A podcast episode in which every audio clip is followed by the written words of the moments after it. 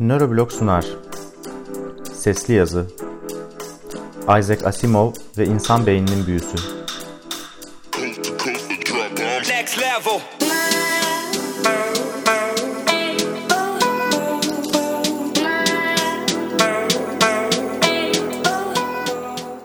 Bilim kurgu edebiyatının efsane isimlerinden Isaac Asimov'un sinir bilim merakı olduğunu biliyor muydunuz? Bugüne kadar ben de bilmiyordum. Ancak anlaşılan o ki aynı zamanda biyokimya profesörü olan Asimov, sinir bilim ve insan beyni üzerine kitap yazacak kadar konuya merak salan bir sinir bilimciymiş.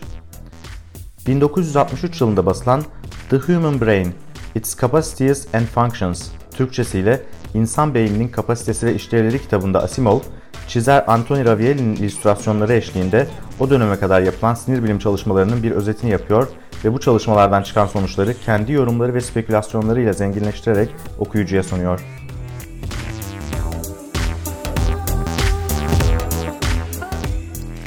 Isaac Asimov'un bilim kurgu romanlarında beyinle sık sık haşır neşir olduğunu biliyoruz. 1987 yılında basılan Fantastik Seyahat 2 İstikamet Beyin kitabında Asimov komadaki meslektaşlarından önemli bilgileri almak için mikroskobik boyutlara küçülen ve meslektaşlarının beynine giren bilim insanlarının hikayesini anlatır.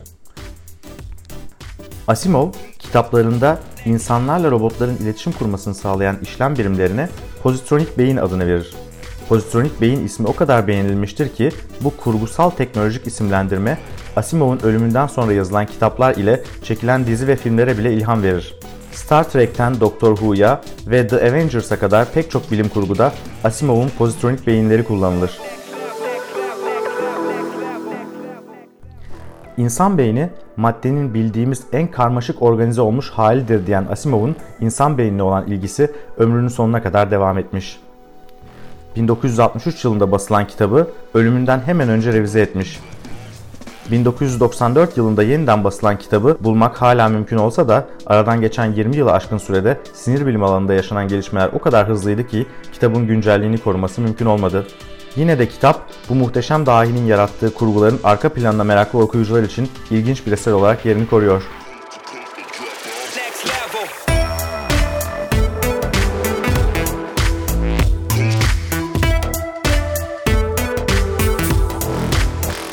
Neuroblog'u Facebook, Twitter, YouTube, SoundCloud, Apple Podcast'ler, Stitcher Radio ve elbette neuroblog.net üzerinden takip edebilirsiniz.